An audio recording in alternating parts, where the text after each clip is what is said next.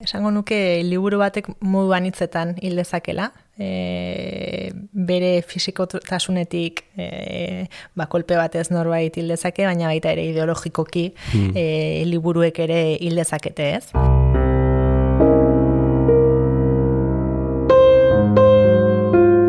E, liburu guztiak ez dira askatasunaren aldekoak edo ez dira ederrak, badaude hmm. liburu ilun eta gaiztoak ere, ez? Totalitarismoaren aldeko liburuak ere badaude, propaganda ere badago, ez? Eta zentzu horretan ere hilgaitzakete.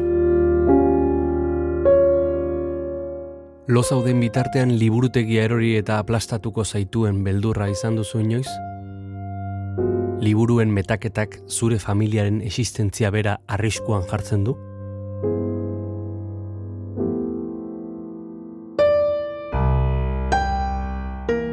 Tonina de Jasek, 2000 eta mazazpiko egun batez, bere etxeko apalategia garbitzea erabaki zuen alabarekin batera. Horretarako, beheko apalategietako liburuak kendu zituen. Eta hautsak entzen ari zela, atzamarra kateatu zitzaion. Alako batean liburutegia gainera erori zitzaien biek. Eta kasu, liburuak oso astunak dira. Zorionez, atzamarra utzi zuen tonina deiasek, eta bere alaba ana elortzari etzitzaion deus gertatu. Eta bere txera junintzanean, eta estudioa dena liburuz beteta ikusi nuen. Toninaren alaba zaharrena da, atal honetan, etxeko ateak zabalduko dizkigun anfitrioia. Danteren infernua bitan zatituta, ba, hori bere filmatzen hasi nintzen, eta eta gehiago horren inguruan gehiago filmatzeko eman zidan. Eta elkarrizketa hau egin dugunean, istripu arraro hau abia puntu duen filma estrenatu berri du. Bere opera prima. A los libros y a las mujeres canto. Hau barruan gaude da, eta ni, oier arantzabal naiz.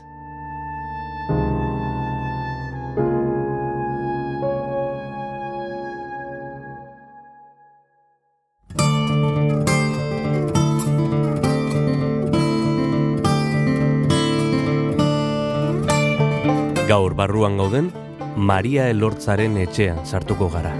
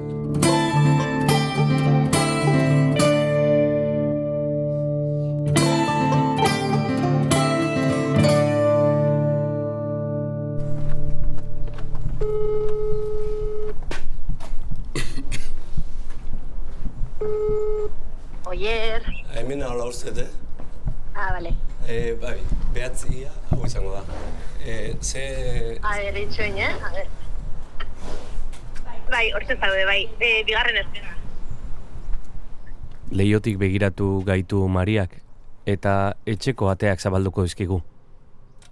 Eriz pasea lekutik gora joan da, basoa donostiarekin nahazten den leku batean du bere etxea.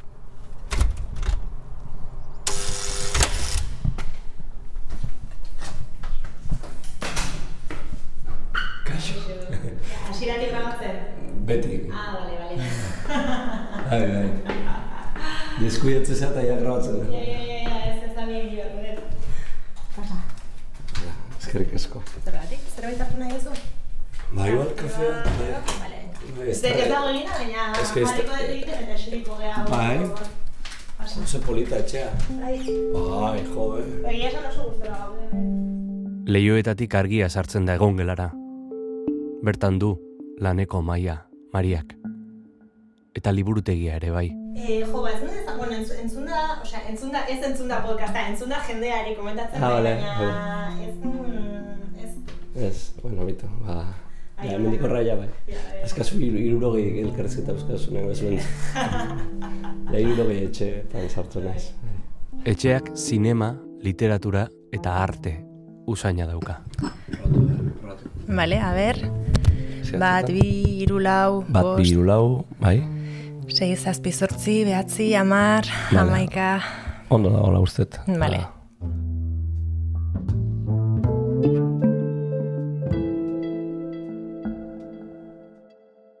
Maria, eh, eskerrik asko.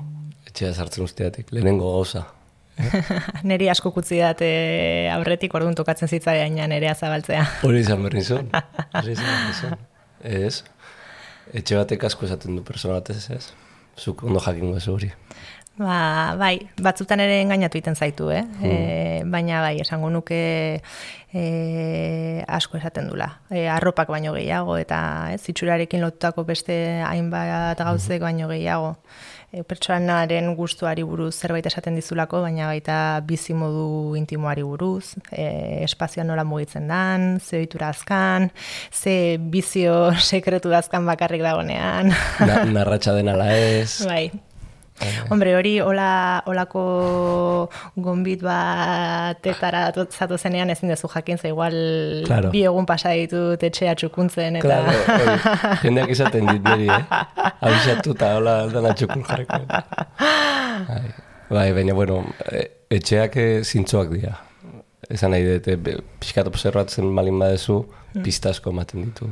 Bai, eta gero eh, esan nungo nuke ere, em, detailetan fijatzea baino gehiago etxean dagoen giroak, ez? Igual zerbait esaten dizula eta etxe horretan nola sentitzen zean zuk ere esaten dizu, ez? Pertsona horrekin e, ze motatako harreman eukiko duzun, ez? Eta bai.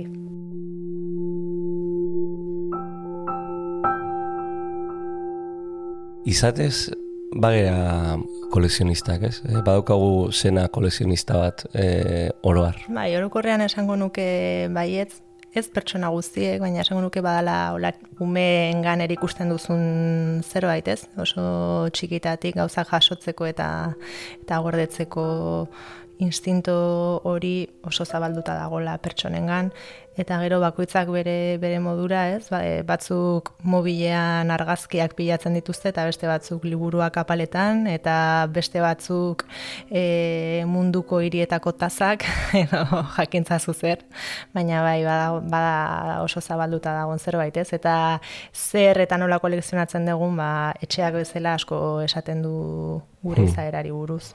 Ba, badago obsesio bat hori esan dezuna, ez? Baita oroitzapena kolekzionatzekoa, ez? Edo e, bueno, impulso hori momentu bat gorde nahi izatearena, ez? Bai, suposatzen dut eriotzaren kontrako e, impulso bat dala, ez? Edo pentsatzen dugula horrela denbora gelditu izango dugula eta eta ez garela hilko, ez?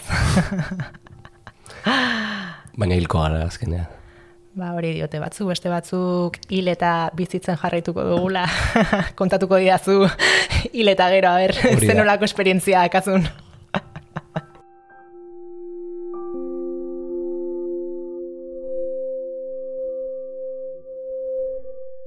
E, lenguan Jon Benitorekin egon nintzen izketan, e, barruan gauden ere, eta esan zida, itziten egon ginen memoriaz, eta esaten zuen e, memoria badela fikzio bat, ipuin bat, orain garena justifikatzen duena.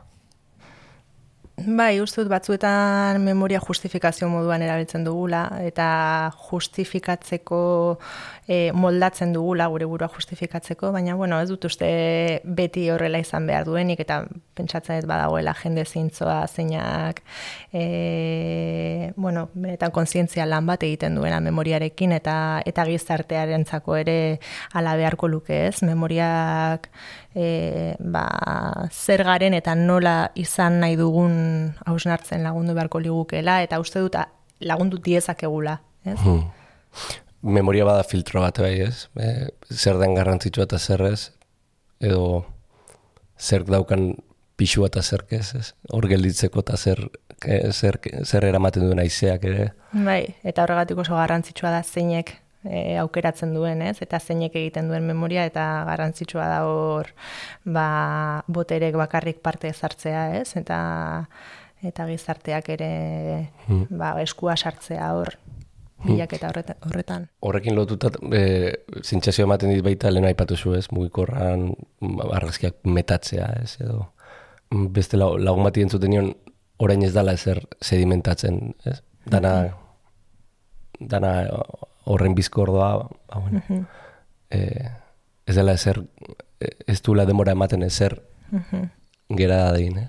Bueno, bi gauza dia horrez, alde batetik desmaterializazioa eta eta azkenean liburuekin ere gertatzen da, ez? Orain interneten dakazu olako artxibo amaigabe, amaigabe bat, baina askotan e, kontsultatzen duzuna da hor apalean dakazun liburu fisiko ura, noiz benka izenburua ikusten dezuna eta pasarte bat gogoratzen duzuna eta hartzeko ematen dizuna, ez? Eta eta fisikotasun horrek askotan laguntzen du ba hori, ez? E, errealitatea gorpuzten, ez? Eta eta benetan pisu bat eukitzen eta gero bestalde e, erritmoarekin lotutako zerbait ere badago, ez? E, mm, orain dana da horren e, bere alakoa eta eta dena hain azkar aldatzen dela dirudi, gero benetan ikusi beharko genuke benetako aldaketa bat dagoen edo azkenean be, betiko logika berdinetan ote gauden, behin eta berriro oso azkar baina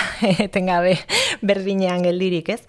Baina baina bai, esango nuke bizkortasunak eta materialtasun ezak e, bultzatzen gaituela ba hori memoriarik ez eukitzea, eukitzera eta benetan e, hausnarketan lan sakon bat ez egitera, ez? Ados, etxe batek asko esaten du bere bizilagunaz. Eta liburutegi batek? Ba, asko, aldi berean nik pentsatzen nire liburutegian badaudela liburu asko kasualia ez hor daudenak, ez? Edo zaborretan topatu ditu danak eta pena eman diatenak, edo portada gustatu zitzaidana eta gero sekula irakurri ez dudana. Eta Eta hain batean asko esaten du bati buruz, batez ere badaudelako agian liburu klabe batzuk hor daudenak benetan aukeratu dituzulako eta eta beti zure ondoan e, ukina dituzulako, baina baina bestalde ere e, hori badaude kasualia ez dauden gauzak edo norbaiteko paritu dizkizunak eta bat ere interesatzen dut zaizkizunak, baina pertsona hori maite dezulako hor dauzkazunak, ez? Pertsona horretaz gogoratzeko.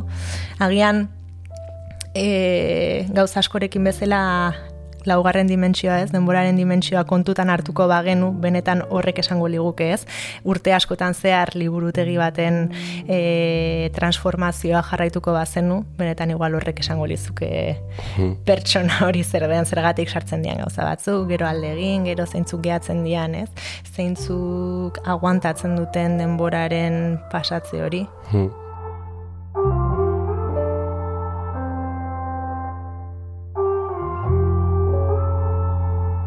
Zenbat liburu eta zenbat ze denbora gutxi irakurtzeko, ez? Bueno, denbora oso relatiboa da, baita ere e, ez da denbora gutxi daukagula, zenbat denbora klabe askotan da, zenbat denbora dedikatu nahi diogun zerbaiteri, ez? Hmm. Eta eta egia da orain dena oso azkar doala, eta eta exigentzia asko daudela e, gaur egungo bizitzan, baina autu bat ere bada, eta askotan e, zurrun horretan sartzea erabakintzen dugu, baina ez dugu beharrik. Eta halko genuke gehiago irakurri edo gehiago geldirik egon ezer egin gabe. Hori ere batzutan galtzen ari dela iruditzen zait. Eta egia da munduan denbora izango duguna baino askoz eta askoz eta askoz literatura gehiago dagola. Baina seguruenik literaturari ere denbora gehiago eskini genitzaio gen, geniezaioke. Geniezaioke. Improduktibo izatea gaizki ikusita dago. Ba bai, eta eta paradoja bat da, ze gaur egungo ofizio asko improduktiboak dira ere bai, e, nahi, espekulazioarekin lotutako lanak dira, ez? Baita komunikazio arloan ere, adibidez, e, sare sozialekin eta askotan ez du benetan hola mamizko ezer sortzen, eta baina iruditzen zaigu etengabe hor aktibo gaudela. Eta paradoja bat da, nire ustez, hori, ba, baliozko horren gauza gutxi sortzen dituen gizarte batean pentsatzea e, geldirik dagoen bat inutil bat dela, edo ez duela ezertarako balio. Eta... Edo ez dela zilegi bai. ezerraz egitea, ez? Bai. Edo geldik egotea pentsatzea, edo, e, ez? Ema- Ematen du demora guztian egon behar dugula norri izateko, egon behar dugula e, zerbait egiten, eta gainera zer hori produktibo izan behar da, e, ekarpena egin behar du, e, hola baloratzen dela, ez? Bai. bai, eta ez dugu ikusten gainera nekazaritzan bezala garrantzitsua dela ba, lurrak e, deskantsatzen ustea, ez? Hmm. E, gero fruitu hobeak jaso izateko eta eta lan intelektualarekin, baina ez bakarrik beste lan mota askorekin ere ala beharko luke. Zeri eman nahi diozu zure denbora? Zerri, ba, nire bizitza pertsonalari, e, paseatzeari, maite ditudan pertsonei, sorkuntzari, eta ikasketari, asko. Igual hori da orain hankamotzen daukadana, beti daudelako, ematen duelako beste lentasun batzuk daudela, ez? Eta eta beti dakazu hor pendiente dakazun zerbait ikasteko, irakurtzeko, baina beti bigarren plano batean geratzen zait, askotan. Ba nahiago dudalako lagun batekin denbora pasa, edo, edo ez dakit. Zaila delako esatea, ez. Gaur ez naiz geratuko irakurtzen geratu nahi dudalako etxean. Oso itxusi geratzen da lagunekin, edo itxusi geratzen da familiakin esatea ez, gaur. Gaur ez molestatu mesedez irakurketa saio bat ingo dut. Nik bakarrik etxean. Maria Elortzarekin hitz egin da, ezinbestean Italiara joan behar gara. Se piangi amore, io piango con te perché sono parte di te. Zer da zuretzako Italia? Zer da niretzako Italia? Mm, sentsazio bat. Argia, e, eguzkia, historia, jateko gauza goxoak, e, familia, mm, nere izeba balkoian izarak zabaltzen, e, nere amonaren patioko limoi ondoa, fruituz beteta. Sopra il mio volto lo rivedrai.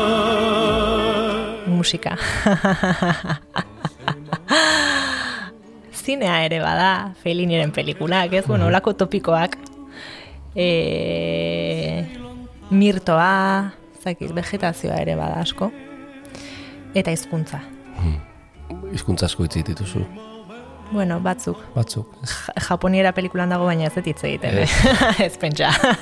bueno, baina ondo, ondo dago oskatua, eh? Mi. Esan degulen, memoria badela galbae batez, e, pixua daukana bere izteko, zure hortzarora joten mali magara ze irudi etortze zaizkizu burura. Esango nukeola oso beti nerekin daukadan irudi bat da gure han Sardiniako etxe parean dakagun ondartza, medusaz beteta, goizean goiz, ura hotz, normalean bero egoten da, baina batzuetan noizbenka oztu egiten da. Eta, eta gu kubo batzuekin medusak jasotzen bainatu alizateko. Hori adibidez litzateke haurtzarorekin lotutako bat. E, nire amaren kamisoiak, ez? Hori bada hola txikitan ez dakit nire amonaren etxeko mantak, ez? Sofaren gainean zegoen mantaren estampatua, nire amonaren katu beltza, e, katu beltzaren mugimenduak, etxetik. E, amonak e, Naparroan etxe bat zeukan, eta euri egiten zuenean e, barraskilloak jasotzera teatzen ginen, e, egun euritxuetan, gauean linterna batekin, ba, linternen e, argi hori, barraskilloen bila, zagitolakoak. Ipurtargiak. Ipurtargiak Nafarroan gogoratzen ditut ere bai, baina oso oso oso oso txikitan. Gero ez ditut gehiago ikusi. Nere etxeko atarian bat ikusi nuen. Ah, bai. Emozioratu nintzen. bai? Gogoratu nintzen zure ez, Bai. bizita. E, ba, ez dakit, oain dela urte bete do. Nintzen da argi bat. Argi berde bat. Bai. Eta nik zer da hori? Eta joan da ipurtarri bat zan. Eta nik goratzen azkenengo aldiz ipurtarriak ikusi nituen Nafarroan, Bai. zuatzan, Mhm. gu udalekutan, e, desente. Bai. Baina egia da, goratzen dituzu ja, hola, izaki mitologiko bat bezala ia, ia, ez, ez daude. Bai, bai, bai, Oso bai. zaila da topatzea Bai, bai, bai, bai. Bai, bai, bai. Arregarria da pentsatzea gure hortzaroko gauza askoia badirela ia mitologia. Ez bakarrik ipurtargiak, ez? E, Gauza asko, gauza asko bai. eta asko. Maria eta biok parez pare gaude, eskritorioan. Eta bere atzean dago, liburutegia. Bere liburutegia. Bueno, ja, bin, bin liburutegia eukitamen parean guazen de, desifrantzea pixkat, ez da? Vale. Ez da mm, deszifratzen oso zaila. E, nik uste zuk ere ulertuko zenukeela ordena zeinan, baina, bueno, esplikatuko dizutola azkar azkar. E, hemen, bloke hau, honeaino, e, zinea eta artearekin lotutako liburuek osatzen dute. Gero hemen poesia dakat, e, mundu osoko poesia, ez dakatola ez, e, ez autoreka, ez, osea, ez dago ordenatuta dakat poesia hola danan astuta. Galdetuko izut hori, poesia noiz eroritzaizu zuri gainera.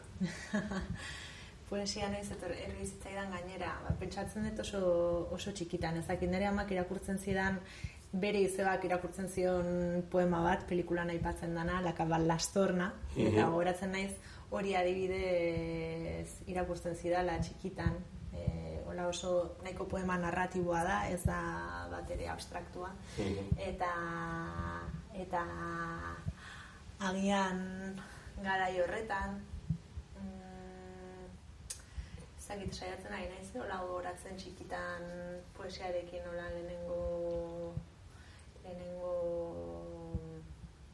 harremanak. Baina gero harrapatu zintuen hori ikusten da hemen. Badaukazu. Bai.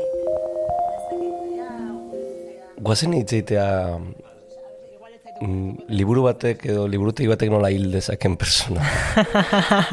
Kontatu iazu e, nondik sortzen dan e, zure lehenengo la, le, e, luze metraia. Ze oso nik uste historio ederra. da. Bueno, lehenengo esango nuke liburu batek modu anitzetan hil dezakela. E, bere fisikotasunetik e, ba, kolpe batez norbait hil dezake, baina baita ere ideologikoki e, liburuek ere hil dezakete ez. E, liburu guztiak ez dira askatasunaren aldekoak edo ez dira ederrak, badaude liburu ilun eta gaiztoak ere ez totalitarismoaren aldeko liburuak ere badaude, propaganda ere badago, ez? Eta zentzu horretan ere hilgaitzakete. Baina nire pelikularen abia puntua e, liburuen fisikotasunari lotuta dago, eta nire amak bere etxean eukizuen istripu bati lotuta.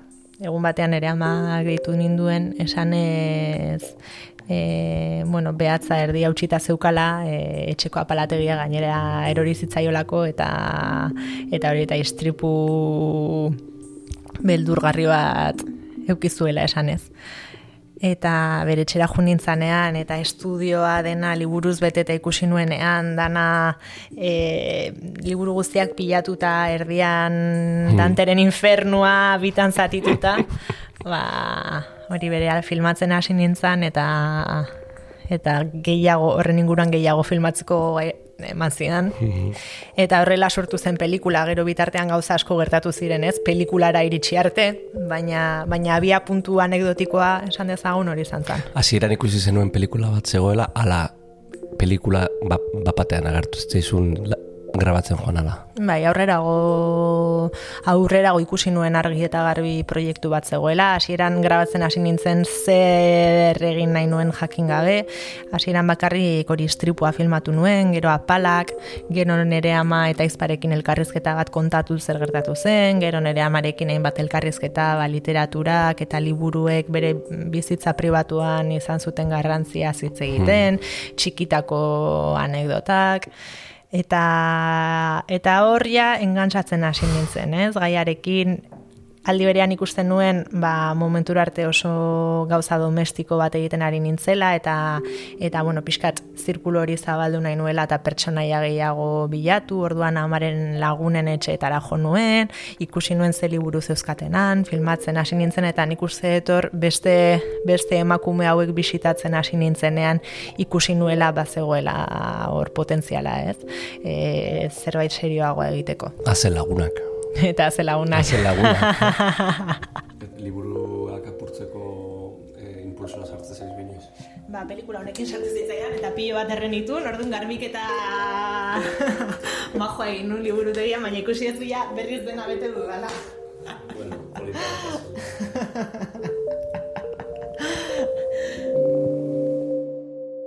Historia asko daude, liburuen atzean, ez da? Bai, bai, eta da seguraski beste pelikula bat ere egin nezakeen pertsonaia berdinekin beste gai bati buruz hitz egiten. Seguro, seguro. eh, baina, zu berez ere historia kotidianoak edo domestikoak grabatzeko zalea zara, ez da? Bai, asko, eta asko egiten dut e, hola, helburu jakin bat gabe, eta asko grabatzen dut eta hor disko gogorretan pilatzen joaten naiz, horren kolekzionista bat ere ba naiz, e, etxeko filmaketen kolekzionista bat, eta tarteka ba, material horrekin zerbait egiten dut, edo material horretatik abiatuta ideia bat sortzen da, eta askotan ez, eta ez du importa material horrek ere niretzako balio handia daka, e, pertsonalki. Ederra da pelikulak ikustea, ederra da zinemara joatea, baina zein zaila den zinema egitea, pelikula bat egitea, ez da? Ala diote. ez broma da. Ezakit. E, bai, zaila da, e, pentsatzen dut geroz eta zailagoa, edo geroz eta garantia gehiago nahi ditugu, ezakit, alde batetik nik uste e, zailagoa dela finantziazioa lortzea, eta agian gu ere e, ambiziosoagoak ea, edo ez dakit, ez gea e, hogeita urte, duela hogeita urte bezain punkiak, agian ez dakit. e, lan asko eskatzen du pelikula bat egiteak, eta egia da teknikoki ere laguntza behar dezula, ez dala idaztea bezala, agian zure kabuz egin dezakezun zerbait dana. Eta eta hori eta geroz eta gehiago ematen du gutxieneko batentzako zerbait dela zinea, zoritxarrez, horren kontra ere egin behar dugu. Historioak kontatzea eta erabakitzea ze historioak merezidun kontatzea, ez? Bueno, agian ezakit, historio guztiek merezi dezakete kontatuak izatea, historio guztiek eraman gaitzaketelako universala den zerbaitetara, ez? Baina igual zaila dena da lortzea hori historio txiki batean edo edo zein historiotan zerbait handiagoa ikustea edo zerbait orokorragoa, ez? Eta ikusleari ere hori transmititzen jakitea, ez? Eta gero magia hori ere, ez? E, zer erakutsi eta zer eskutatu, ez? Botere, bai. botere hori du zinegileak. Bai, eta iaia izkutatzen duzuna, ez? Erakusten duzuna, baino garrantzitsuagoa da. Edo segun eta ze pelikuletan bada garrantzitsuagoa. Bai, ez da bakarrik ikusten duguna, da ikusten ez duguna. Eta, eta batez ere nik uste dut zineak zer ikusi handia duela, e, ikuste zina dena erakutsi alizatearekin, ez? E, nola bait, literaturak kontatu ezin dena kontatzearekin zer ikusi handia duen bezala, ez? Mhm. Edo hitzik ez duena hitzetan jartzea, ez? Nola adierazi hori, ba, zineak ere hori ikuste zinaz e, arit, aritu behar du, ez? Mhm.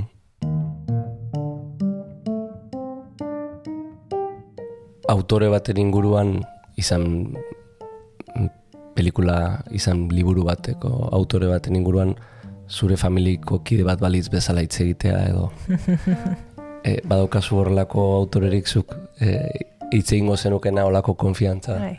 Ba, begira, nik uste, osea, askotan gertatzen zaizula hori, ez? E, bueno, asko irakurri gabe ere, baina bueno, pixkatola gauza anitzak irakurtzen badituzu eta eta sarri eta zinearekin igual. Asko asko ni ez naiz hola oso zinefiloa dan pertsona bat edo dena ikusi duen norbait, tarteka gauzak ikusten ditut, bolada batzuetan aktiboago nago, beste batzutan begirada garbitu behar dudala sentitzen dut eta ez dute zer ikusten.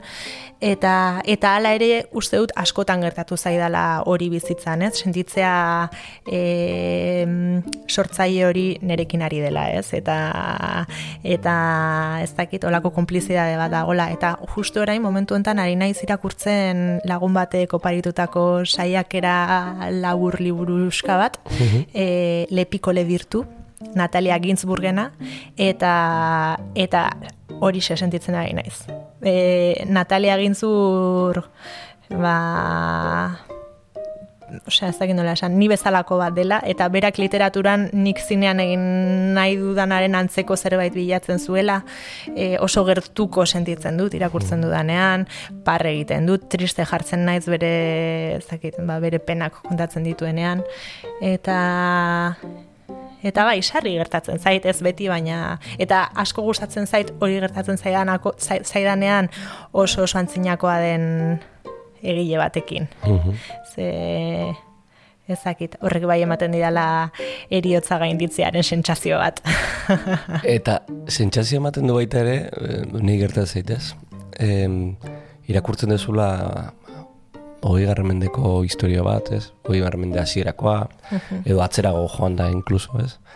Eta jabetzen zara ez, ez garela indez, ez garela, ez berdi- berdinak garela. Eta akats berdinak egiten ditugula, edo egingo ditugula, eta errepikatuko dela berriz, ez? Hori, sentsazio hori ematen di ne- neri, ez? Askotan, bueno, gazteetasunetik, eh, bueno, gu ez dakit ja gazte garen, espero baietz, baina adin bera dukagulako, baina bueno, badago irreverentzia, beharrezko irreverentzia bat, baina gero konturatzen zara, badu gertatu zaitez, gero behiratzen duzu, ez bueno, oza, igual akatsasko errepikatzen gabiltza ez, eta ez daukago gaitasuna beraiek gaizki egindakotik ikasteko, edo kosta egiten zaigu, ez? bueno, gauzak bizi behar dituzulako, ez? Da zure familiako umeak, ez? Edo gazteagoak direnak ikusten dituzunean hankasartzen, baina badakizu naiz eta zerbait esan ez duela balio, ez? Berak bere, bere aragitan pasa behar dula esperientzia hori. Eta alde batetik, ondo dago ere bizitza hori ere badalako, ez? Eta bizi behar dugu, ez? Eta naiz eta e, ez dakit historia luze bat euki, e, gizakiak oraindik ere jaio daiteke eta berriz inozentea izan eta eta berriz berriz dena bizi, ez? Tristea litzateke ere ez dakit erromatarrak baino 2000 urte beranduago jaio garelako ezin ditugula ezin dugula amodioa ez dakit oinarrizko esperientziaiek ezin ditugula bizi, ez? Polita da ere pentsatzea, bueno, beti naiz eta ez dakit, garren mendean gauza horren izugarriak gertatu, berriz ere maite dezakegula, eta berriz zoriontsu izan gaitezkela, Eta berriz kasartu ere. eta berriz kasartu. Eta bueno, horrek ere beldurra ematen du, ez? Eta berriz gerra egin dezakegula ikusteak aldi berean oso etxigarria da. Baina, baina bueno, agian ez dakit. eh, Suposatzen dut ezin dala, ezin zaiola gauza bat iuko egin eta eta bestea onartu, ez?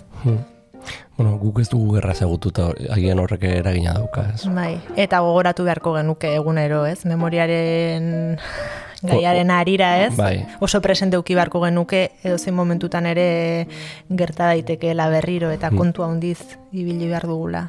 Hmm, Horretarako ere ze garrantzitsua diren liburuak, ez da? Ba bai. Ba bai, kultura orokorrean, ez bakarrik liburuak.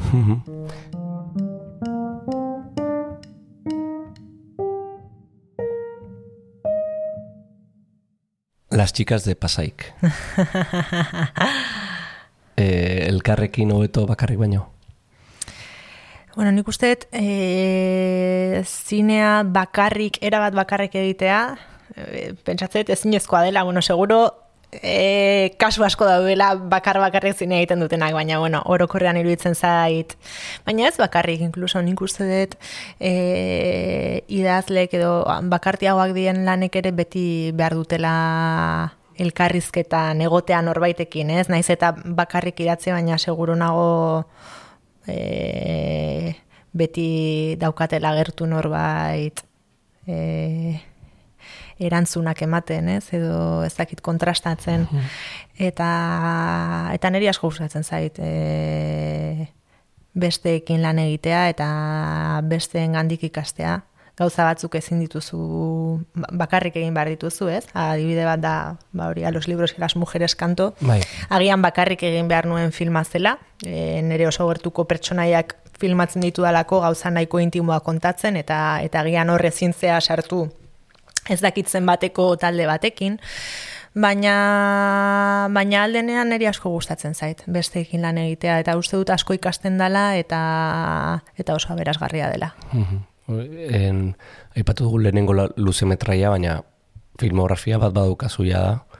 Labur metraiak, e, saio gintza, bideo saio gintza, eta barrez. E, maider dago tartean, e, gero koldo, ere, ez? Koldorekin ere e, lan egin duzu.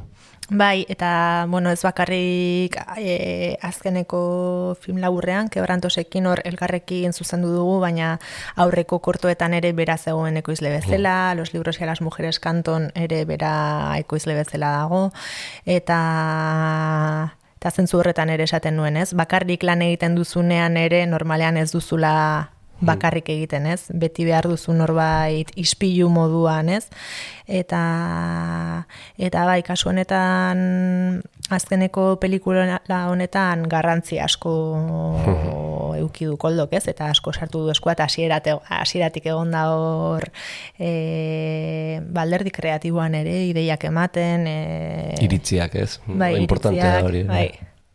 Bai, bak, bakar lanak hori dauka, ez askotan e, behar duzula norbait e, batzutan, ez? Bai. E, i, mm, itxasargi gisa edo esateko Bai, bai. dizu, ez? Bai, bai, gida bat galdu egiten zarenean, ez? Berriz bidera lagunduko zaituena. Zertan zabiltza orain?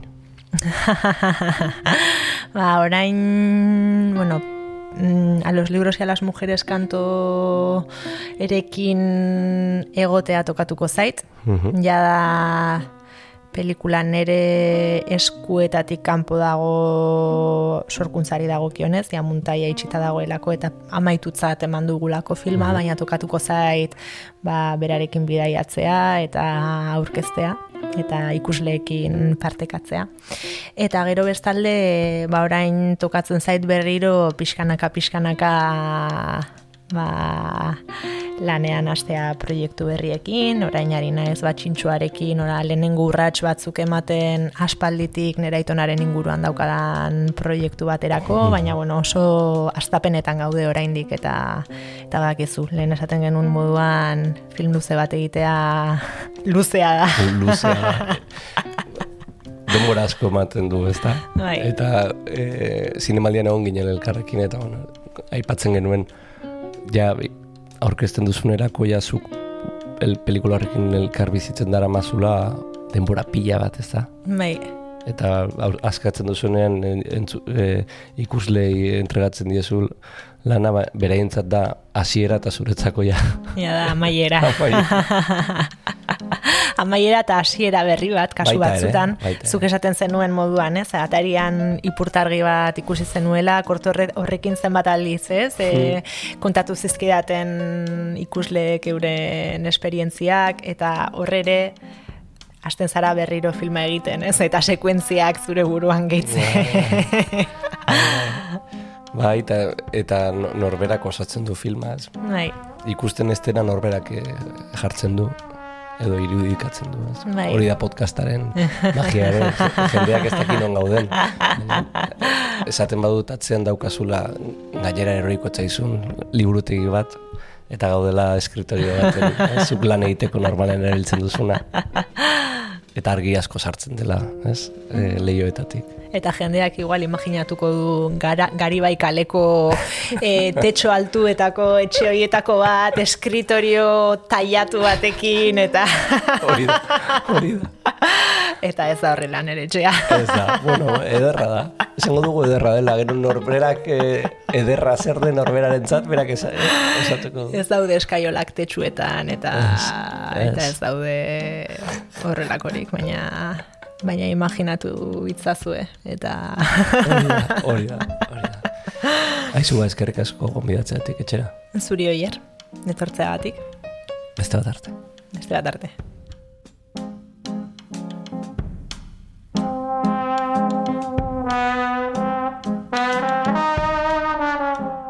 Hauxe izan da aste hontako barruan gaude.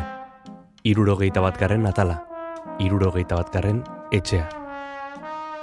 Gogoratu, gainontzeko irurogei etxeetan sartzeko giltza ere, EITB podcasten edo dena delako audio plataforman duzula. Twitterren eta Instagramen topatuko gaituzu abildua barruan gaude kontuan, eta gogoratu, Jon Martija gure lagun eta lankideak, Estamos dentro podcast bikia egiten duela gaztelaniaz.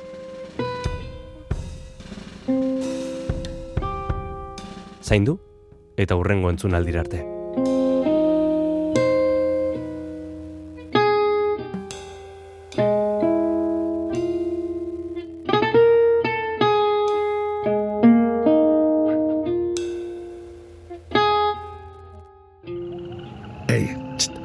entzun hori. Ulu Media.